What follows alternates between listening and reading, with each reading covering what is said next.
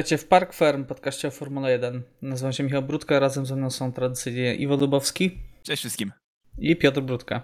Cześć. E, jesteśmy w przededniu nowego sezonu, w końcu doczekaliśmy się. E, jest w momencie, kiedy rozmawiamy, jest 27 czerwca. Jest godzina 15.30, także dokładnie za tydzień będziemy e, już po pierwszej części kwalifikacji, albo będziemy się zbliżać do końca pierwszej części kwalifikacji.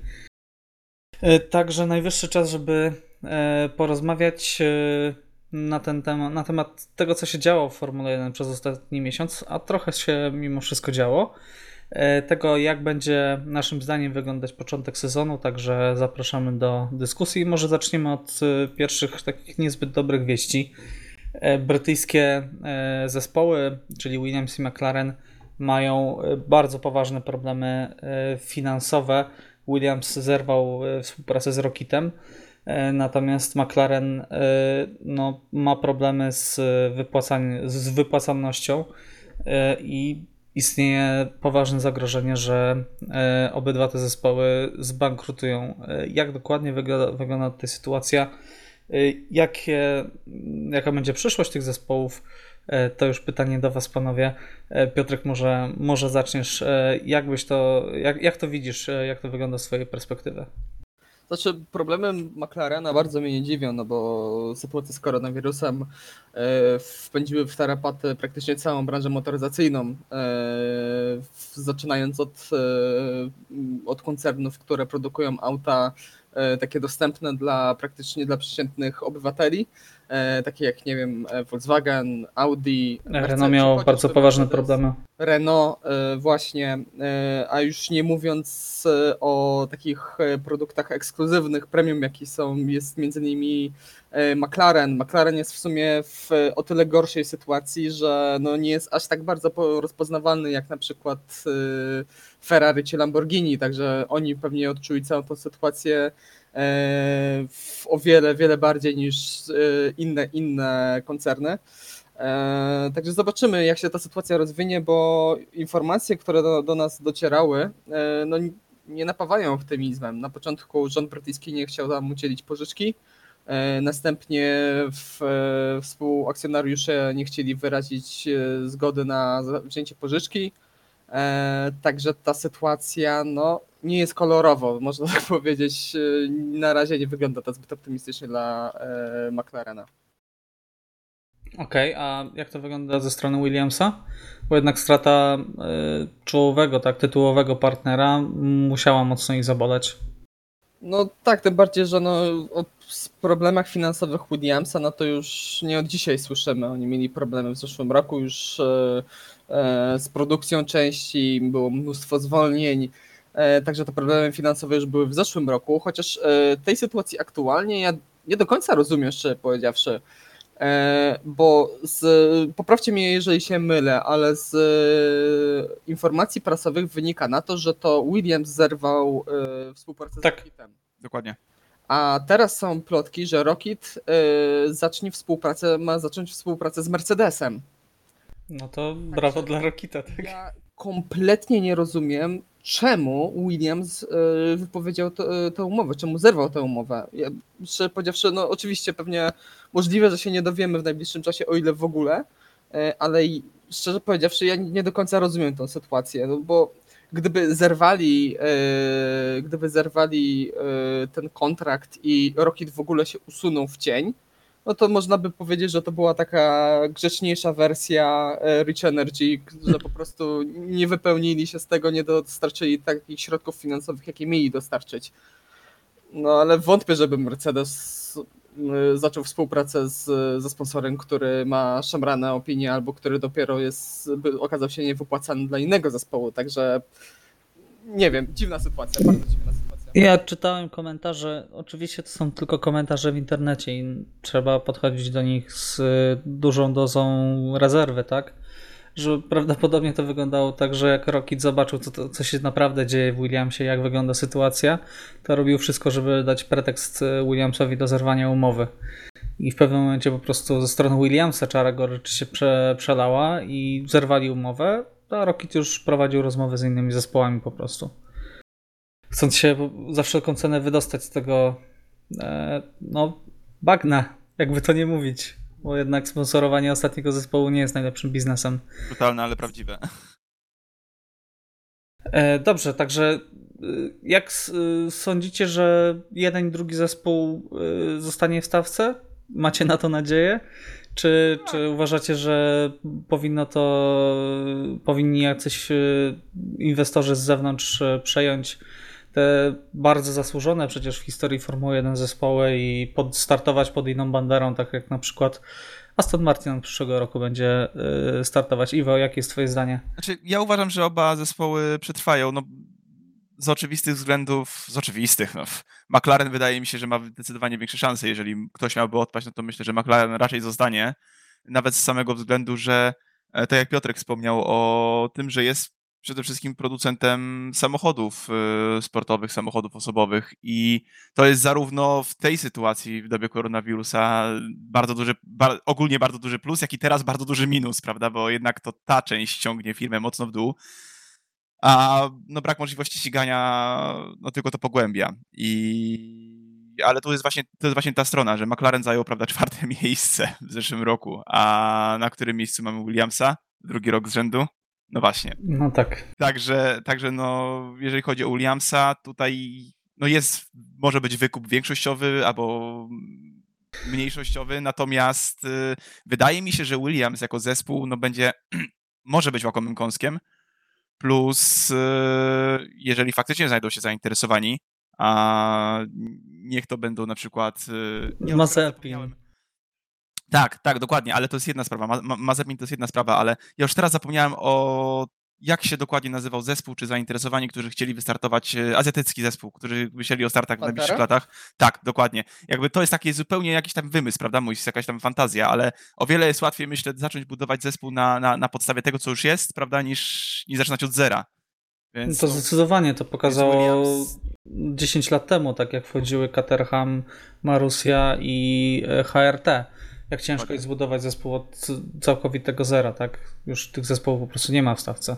Także ta słabość Williamsa w tym momencie tak naprawdę dla samego zespołu, można powiedzieć legendy, no odbije się oczywiście negatywnie, natomiast no może się okazać, że nowy, zobaczymy nowych graczy w stawce po prostu w najbliższym czasie. Mm. Bo nie sądzę, żeby Williams jako Williams a zupełnie ze stawki odpadł w najbliższych latach mimo wszystko. Jednak ciężko sobie wyobrazić jednak Formułę 1 bez Williamsa, mimo ostatnich ciężkich lat.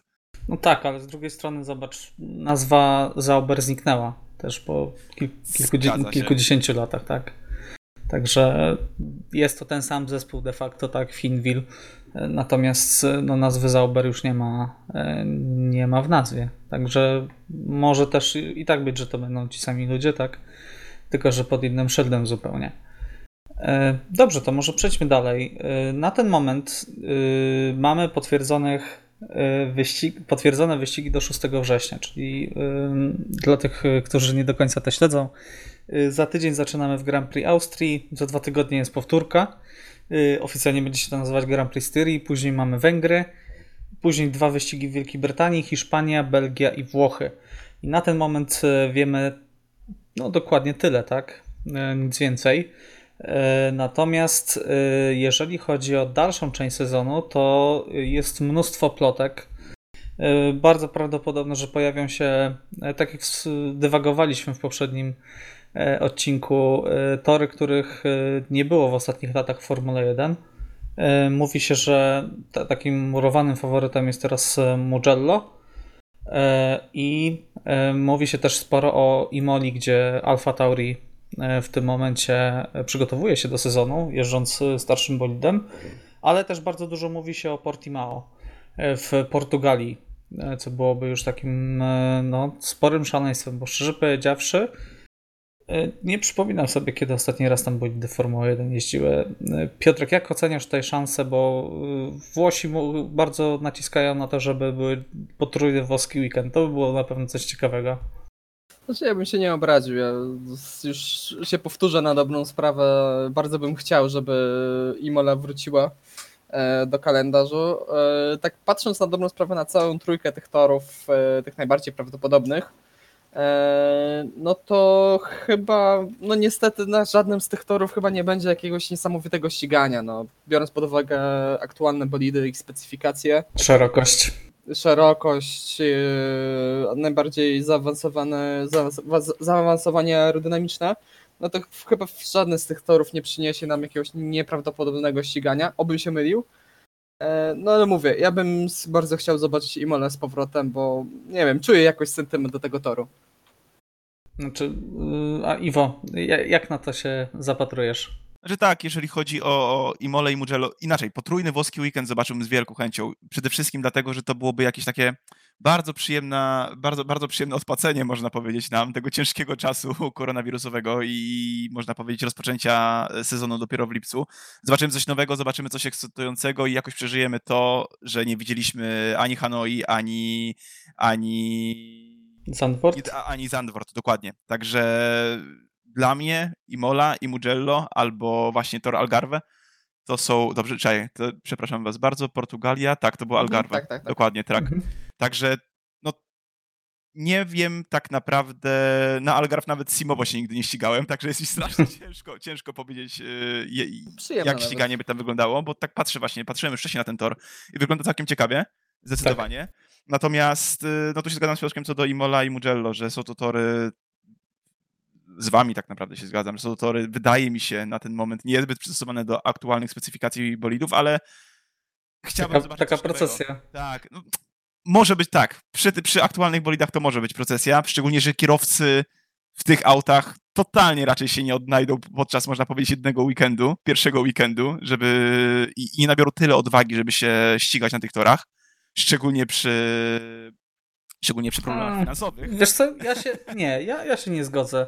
Ja uważam, że właśnie to jest szansa dla takich y, najlepszych kierowców, tak jeżeli chodzi o same umiejętności na wykazanie się, że może się zacząć trochę ta różnica e, między bolidami, tak?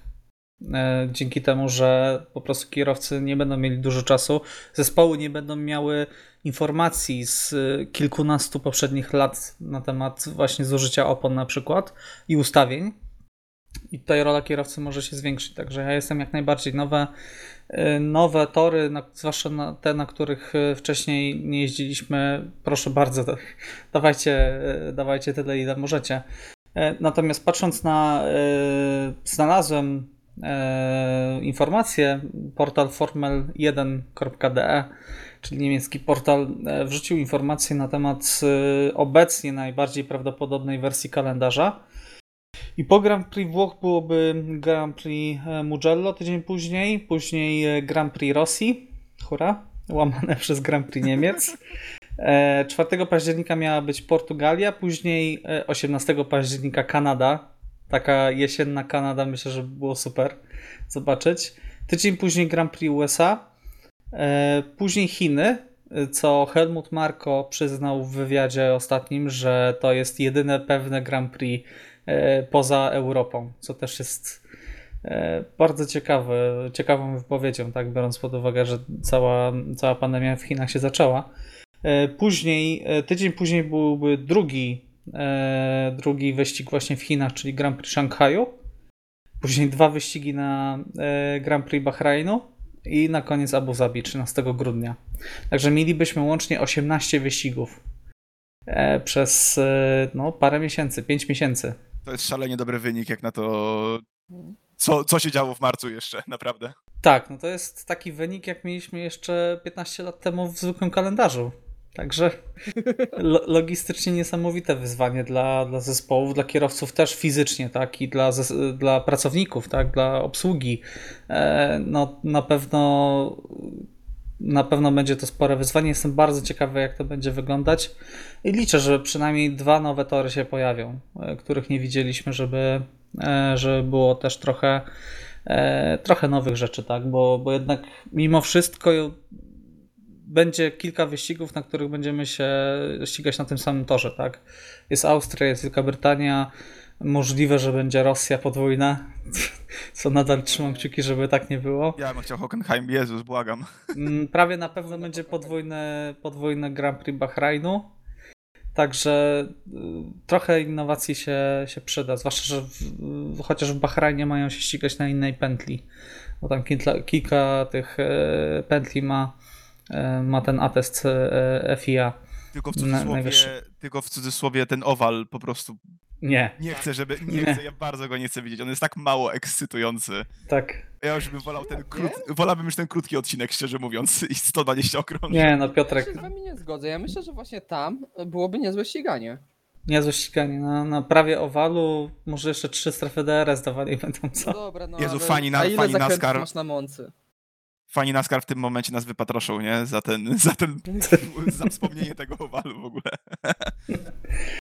Znaczy, nie wiem, ja widziałem wizualizację tego, tej właśnie takiej powiedzmy, że w cudzysłowie owalowej nitki i raz, że tak do końca mi to owalu nie przypominało, dwa, no było bardzo dużo prostych, parę mocnych dohamowań. Nie wiem, ja szczerze powiedziawszy byłbym pozytywnie nastawiony do właśnie wykorzystania tej, tej nitki toru. Na pewno byłby to wyścig jak żaden inny. Znaczy powiem tak, powiem tak. Yy, wolę zobaczyć ten, nazywamy to owal, niż faktycznie dwa razy tę samą nitkę, jeżeli jest opcja. To na pewno. Tak, zdecydowanie. tak. Chociaż może jakąś inną konfigurację chętniej niż, niż właśnie te. Tym bardziej, że niestety zostało porzucony ten pomysł e, wyścigu kwalifikacyjnego przy wystąpieniu tych właśnie podwójnych wyścigów, podwójnych weekendów wyścigowych bardziej. Jedno mnie bardzo cieszy, nikt nie mówi o podwójnym gra, Grand Prix Francji. Także dla mnie to, tak, to jest już to zwycięstwo, jest zwycięstwo na dokładnie. początek. Ale mnie to szalenie, tak wracając, mnie to strasznie ciekawi, bo e, tak jak kierowcy teraz i zespoły wyciągają wnioski z jednego wyścigu na konkretnej specyfikacji auta, e, rok później stawiają się znowu na tym samym torze z inną specyfikacją samochodu. Strasznie mnie ciekawi tak naprawdę, jakie wnioski teraz będą wyciągane z tygodnia mm -hmm. na tydzień. Równie dobrze może być tak, że jeden wyścig będzie deszczowy, drugi będzie suchy i to Dokładnie. też w ogóle będą, będziemy mieć zupełnie inne wyniki, tak? Dlatego nie mam żadnych Oby obaw. Tak nie mam żadnych obaw, jeżeli mają być dwie takie same nitki, bo po prostu może dojść do bardzo wielu zmian przez to, że naprawdę kierowcy i zespoły wyciągną mnóstwo danych, będą mieli to samo auto na tym samym torze i będą mogli zrobić poprawki, których już nigdy więcej nie będą mogli zrobić na dobrą sprawę, bo nie będą mieli tego samego auta w przyszłości. To jest, to, to jest super, mi się to strasznie podoba. Mimo wszystko. Szczerze powiedziawszy, to tak właśnie na dobrą sprawę, biorąc pod uwagę, tak jak napakowany ma być ten kalendarz, to właśnie wątpię, żeby te poprawki były z tygodnia na tydzień. Właśnie, właśnie o tym chcieli, chciałem porozmawiać. To jest nasz następny temat dyskusji. Czy przez tak ścięty sezon uważacie, że zobaczymy jakiekolwiek poprawki w samochodach? Bo tak, podsumowuję, po, sumuję tutaj wiadomości, które przeczytałem. Na szósty wyścig Renault przywozi duży pakiet przywieźli też sporo poprawek, które mieli zaplanowane na pierwsze wyścigi. E, I wszystko wyprodukowali to, co chcieli wyprodukować, także na pewno duży plus dla Renault. Ferrari na pierwszy wyścig przyniesie, przywiezie bardzo małe poprawki i dopiero później e, na Wielką Brytanię bodaj albo na Węgry będą nowe części. Red Bull ma przywieźć nową wersję silnika Hondy, która ma być dużo lepsza i ogólnie mówi się, że e, mają walczyć z Mercedesem, ale o tym jeszcze porozmawiamy. Mercedes e, już przywiózł w ogóle nową wersję bolidu, bo okazało się, że ta wersja, którą e, pokazali w testach, to była wersja jeszcze z Bożego Narodzenia, także... No już starać. tak, do wyrzucenia o, praktycznie. O czym mówimy? E, natomiast Force India powiedziało, że będzie miało jeden. Force India, Boże, przepraszam najmocniej. A, re. Tyle czasu i tak to siedzi w człowieku. E, Racing Point e, powiedziało, że a w przyszłym roku to już w ogóle, jak jeszcze wejdzie Aston Martin, to już w ogóle się pogubię. Powiedzieli, że przewiozą jeden pakiet poprawek. No cały tak, sezon. Tego, tego Mercedesa z Bożego Narodzenia. tak. Ale kąśliwie, kąśliwie dla fanów. Aj. E, natomiast ja nie mam nic przeciwko. Dopóki będą się ścigać dobrze, ja nie mam nic przeciwko. E, główny inżynier e, Racing Point powiedział, że e, powiedział, że i tak zazwyczaj około czerwca, lipca porzucają rozwój bolidu. E, także o tyle to będzie dziwne, że porzucą rozwój bolidu przed początkiem sezonu ale, ale dla nich to jest normalna sytuacja, że skupiają się już na kolejnym sezonie.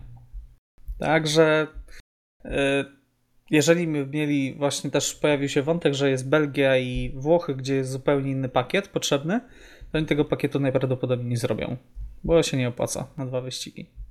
Także jak sądzicie? Już tak zupełnie ogólnie sumując te wszystkie informacje, które podałem przed chwilą, e, czy zobaczymy spore poprawki? E, czy może być tak, że ten, kto będzie najlepszy w pierwszym wyścigu, będzie najlepszy w całym roku i całych mistrzostwach i to będzie trochę nudne i zabetonowane? Że mi się wydaje przede wszystkim, że będą skupiać się na tym, co było wcześniej bardzo fajnie przedstawione na kanale Chamber. E, mo możliwości, możliwości poprawiania bolidów w tym i przyszłym roku. Czyli teraz tak naprawdę będą najbardziej się skupiać na aero. Tak naprawdę tylko i wyłącznie aero i to tych poprawkach raczej małych w 2020 roku. I tak, skłaniałbym się raczej ku temu, że te zespoły, które będą wygrywać na, będą dominować, czy, czy, czy ogólnie będą w topce w tych pierwszych wyścigach, to one tam zostaną. Jakby w 2020 roku nie spodziewam się totalnie żadnych zmian. Najważniejsze jest to, żeby zobaczyć zmiany w 2021, bo one też nie będą duże, prawda? One też nie będą duże, ale mhm. do tego jeszcze tematu wrócimy. Chociaż powiem Ci, że czytałem taką opinię, że y, zmienia się podłoga i to powoduje, że ta zmiana jest tak kluczowa, że trzeba prze, przedefiniować w ogóle całą aerodynamikę y, bolidu. Także y, nie do końca tak. te zmiany są znaczy, takie małe. Y, tu chodzi o to, zmiana podłogi, jak dobrze pamiętam, ona polega na tym, żeby ten samochód sztucznie spowolnić, ponieważ oni mają czas, zespoły mają czas, żeby pracować nad tą samą konstrukcją na kolejny rok, żeby Pamiętam, że to wytłumaczenie takie było raz, że trochę na opak, raz, że trochę na siłę, ale gdzieś tam było w miarę zrozumiałe mimo wszystko, bo ten bolid ma pozostać, można powiedzieć, tą samą bazą. I żeby po prostu on nie ewoluował w nieskończoność. Mówię, to tłumaczenie było takie bardzo pośrednie, ale ta podłoga, ta auto przynajmniej ma na początku zwolnić, jak dobrze pamiętam. Nie wiem, mhm. Y, czy, czy, czy, czy, dobrze teraz tłumaczę, ale bo, bo oglądałem to już jakiś czas temu e, tę analizę, ale chyba właśnie początek przyszłego sezonu będzie no nieco, będzie dosyć ciekawy tak naprawdę. Mhm. Piotrek, jak na to patrzysz?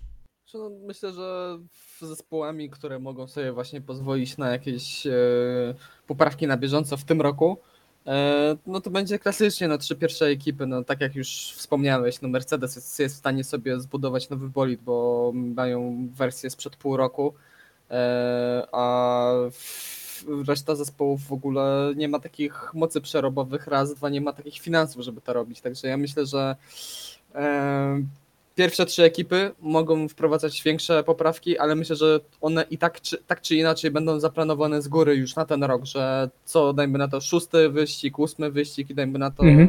tyle.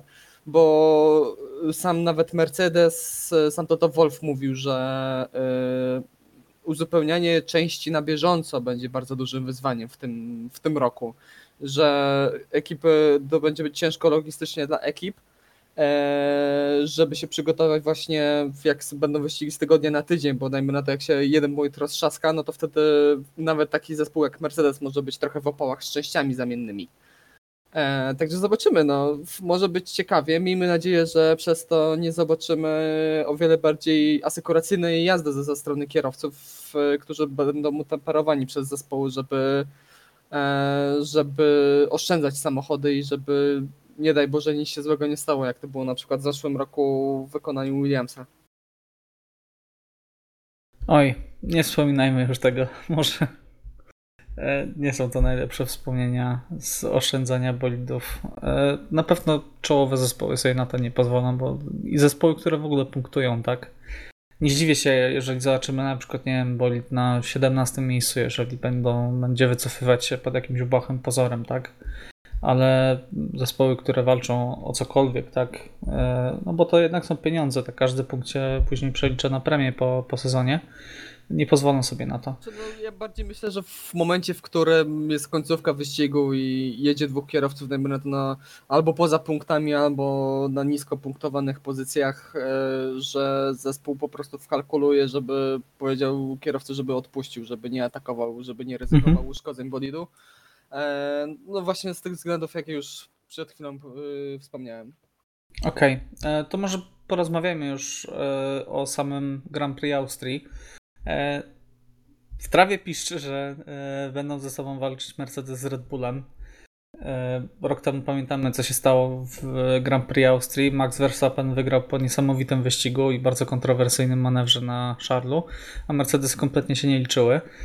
Oczywiście nie sądzę, że będziemy mieli powtórkę z tego, E, natomiast e, Red Bull ma się liczyć e, w tym sezonie i nawet było to zapowiadane przez samego Marka Webera, który myślę, że nadal ma dobre wtyki w Red Bullu, że nastawiają się na walkę o mistrzostwo między Luisem a, a Maxem właśnie. Także jak sądzicie, czy taki pojedynek będzie miał miejsce? Jeżeli tak, to na, na kogo byście stawiali? To jest myślę ciekawa, ciekawa kwestia do rozliczenia później.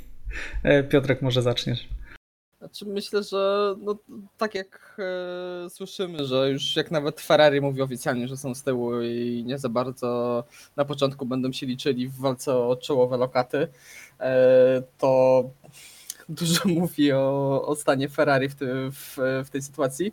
No, miejmy nadzieję, że będzie ta walka ciasna pomiędzy Red Bullem a Mercedesem, bo chciałbym bardzo zobaczyć Maxa Verstappena w sytuacji, w której on realnie może walczyć o tytuł mistrzowski w której on naprawdę będzie postawiony w sytuacji, w której będzie się bił z Lewisem Hamiltonem o czołowe lokaty, e, będzie ciasno w punktach i ja jestem ciekawy po prostu e, jak się zachowa w tej sytuacji Max Verstappen, czy, czy, się, czy będzie e, będzie taką miał gorącą głowę, jak to czasem bywa na torze, czy jednak się okaże taką dojrzałością już i może będziemy mieli wielkie zaskoczenie w tym roku. Mhm. Iwo, jak się do tego odniesiesz? Znaczy, ja pamiętam, jak o tym rozmawialiśmy na początku zeszłego sezonu, gdzie sam mówiłem, gdzie wszyscy gdzieś tam stwierdziliśmy wspólnie, że widać było po Maxie, że tak, zyskał gdzieś tam swoją dojrzałość, ale potem znowu zaczął robić swoje. tak, tak. Tylko teraz... Y, tylko Mo teraz... Grand Prix Monaco mi się przypomina. tak, no zaryzykował, zaryzykował. Na szczęście tam nic złego się nie stało, całe szczęście, ale wracając do aktualnego, zaraz rozpoczynającego się sezonu, e, czy ma szansę na mistrzostwo? Wydaje mi się, że to jeszcze, że kurczę, cały czas jesteśmy przed pierwszym wyścigiem, a nie wierzę. Mamy lipiec i, i, nie jestem w stanie powiedzieć, kto może wygrać a, a mistrzostwo, a kto nie. Ale nie sądzę, żeby to jeszcze był ten rok, bo jednak umówmy się, Mercedes to jest Mercedes. W samej Austrii jak najbardziej ma szansę, ale biorąc pod uwagę samo mistrzostwo, chcę, żeby było ciasno. Nie chcę przede wszystkim, żebyśmy po trzech, czterech czy pięciu wyścigach mogli powiedzieć jasno, że tak, Louis albo tak. Ma... Chociaż nie, akurat to, że Max nie chciałbym usłyszeć, że po pięciu wyścigach, że Louis na pewno wygra mistrzostwo. E, nie chcę zobaczyć takiej przepaści. A nie możemy sobie życzyć, prawda, tam trzech, czterech czy tam siedmiu y, różnych zwycięzców w pierwszych wyścigach, ale chciałbym, żeby ta wymiana była między to Mercedesem, Mercedesem i Red Bullem. Ferrari może też. W sumie na Austrii Ferrari tam kilka koni, chyba więcej, tam 15 dowozi, chociaż Chyba trochę, tak. z tego co pamiętam, około 15 koni mechanicznych. Także nie wiem, czy to będzie wystarczające. E, szczególnie jeżeli Honda ma zrobić bardzo mocny upgrade swojej jednostki, ale prędzej widzę ich faktycznie na tych pozycjach trzecich, czwartych niż, niż pierwszych, drugich. Okej, okay, dobrze. To może tak. E, powtórzmy to, co zrobiliśmy w marcu, o ile mnie pamięć nie myli. E, i zrobimy sobie przewidywania przed sezonem. Myślę, że sporo się powtórzy, ale możliwe, że coś się zmieni. E, czyli e, od początku, a później to oczywiście rozliczymy. Oczy, Kto... Oczywiście to rozliczymy. Ja to, ja to zapisuję w tym momencie. także to, to nie zginie. Kto zdobędzie mistrzem świata, tytuł Mistrza Świata? Piotrek, na kogo stawiasz? Ciężkie bardzo pytanie. Hmm. Znaczy, Waltery... mam, mam... Dlaczego Waltery Bottas? Może tak. e, hmm. Mam zapisanego Louisa Hamiltona, ale szczerze powiedziawszy, biorąc pod uwagę aktywność Louisa w, w social mediach i generalnie w sprawach e, wszelkich niezwiązanych z Formułą 1, to jestem gotowy postawić na Maxa Verstappena. Okej, okay, dobrze. Czyli Luis zajęty tak jak w 2016. Może innymi tak. sprawami, ale zajęty. E, nie będziemy tutaj oczywiście ruszać polityki, to myślę, że e, nie od tego jest ten podcast. E, Iwo, kto będzie mistrzem świata? I co, znowu serce kontra rozum. mi się wydaje, że mi się wydaje jednak, że Lewis, mimo że sam w tym momencie w tej walce kibicuje Maxowi, ale myślę, że nie odpuści sobie, e, kiedy jest tak blisko siódmego mistrzostwa, prawda, zrównującego rekord. Także yy, aktywność pozawyścigowa, aktywność pozawyścigową, mówmy się, no nie ma teraz ścigania, także no też co ma robić. Yy, jak, jeszcze nie może pokazać się na torze, ale mimo wszystko wydaje mi się, że Lewis w tym roku jeszcze tak. Okej. Okay. A ja zaszukuję wszystkich i stawiam na Walteriego Bottasa. Co? obyś, obyś miał rację. E, bo po pierwsze Hamilton może być zajęty, zgadzam się. E, odczuwam tutaj takie podobne uczucia jak przed 2016 rokiem. E, a w tak krótkim sezonie, gdzie nie wiadomo, czy będziemy mieć te 18 wyścigów, równie dobrze możemy mieć tych wyścigów 14. Kilka słabych występów na samym początku albo jakieś rozkojarzenie może spowodować, że ta przewaga stanie się już nie do odrobienia, zwłaszcza jeżeli trafi się jakaś no, niezapowiedziana awaria silnika. E, tak w tym momencie mrugam prawym okiem e, do widzów, którzy pamiętają Malezję. Także. Tym bardziej, że w zeszłym roku, pozwól, że się wtrącę, na dobrą sprawę do kwalifikacji w Grand Prix Monaco Walteri Bottas naprawdę był bardzo blisko Hamiltona. Tam naprawdę była ciasna walka. Dobrze, Piotr, postawiłem już, nie musisz mnie dodatkowo.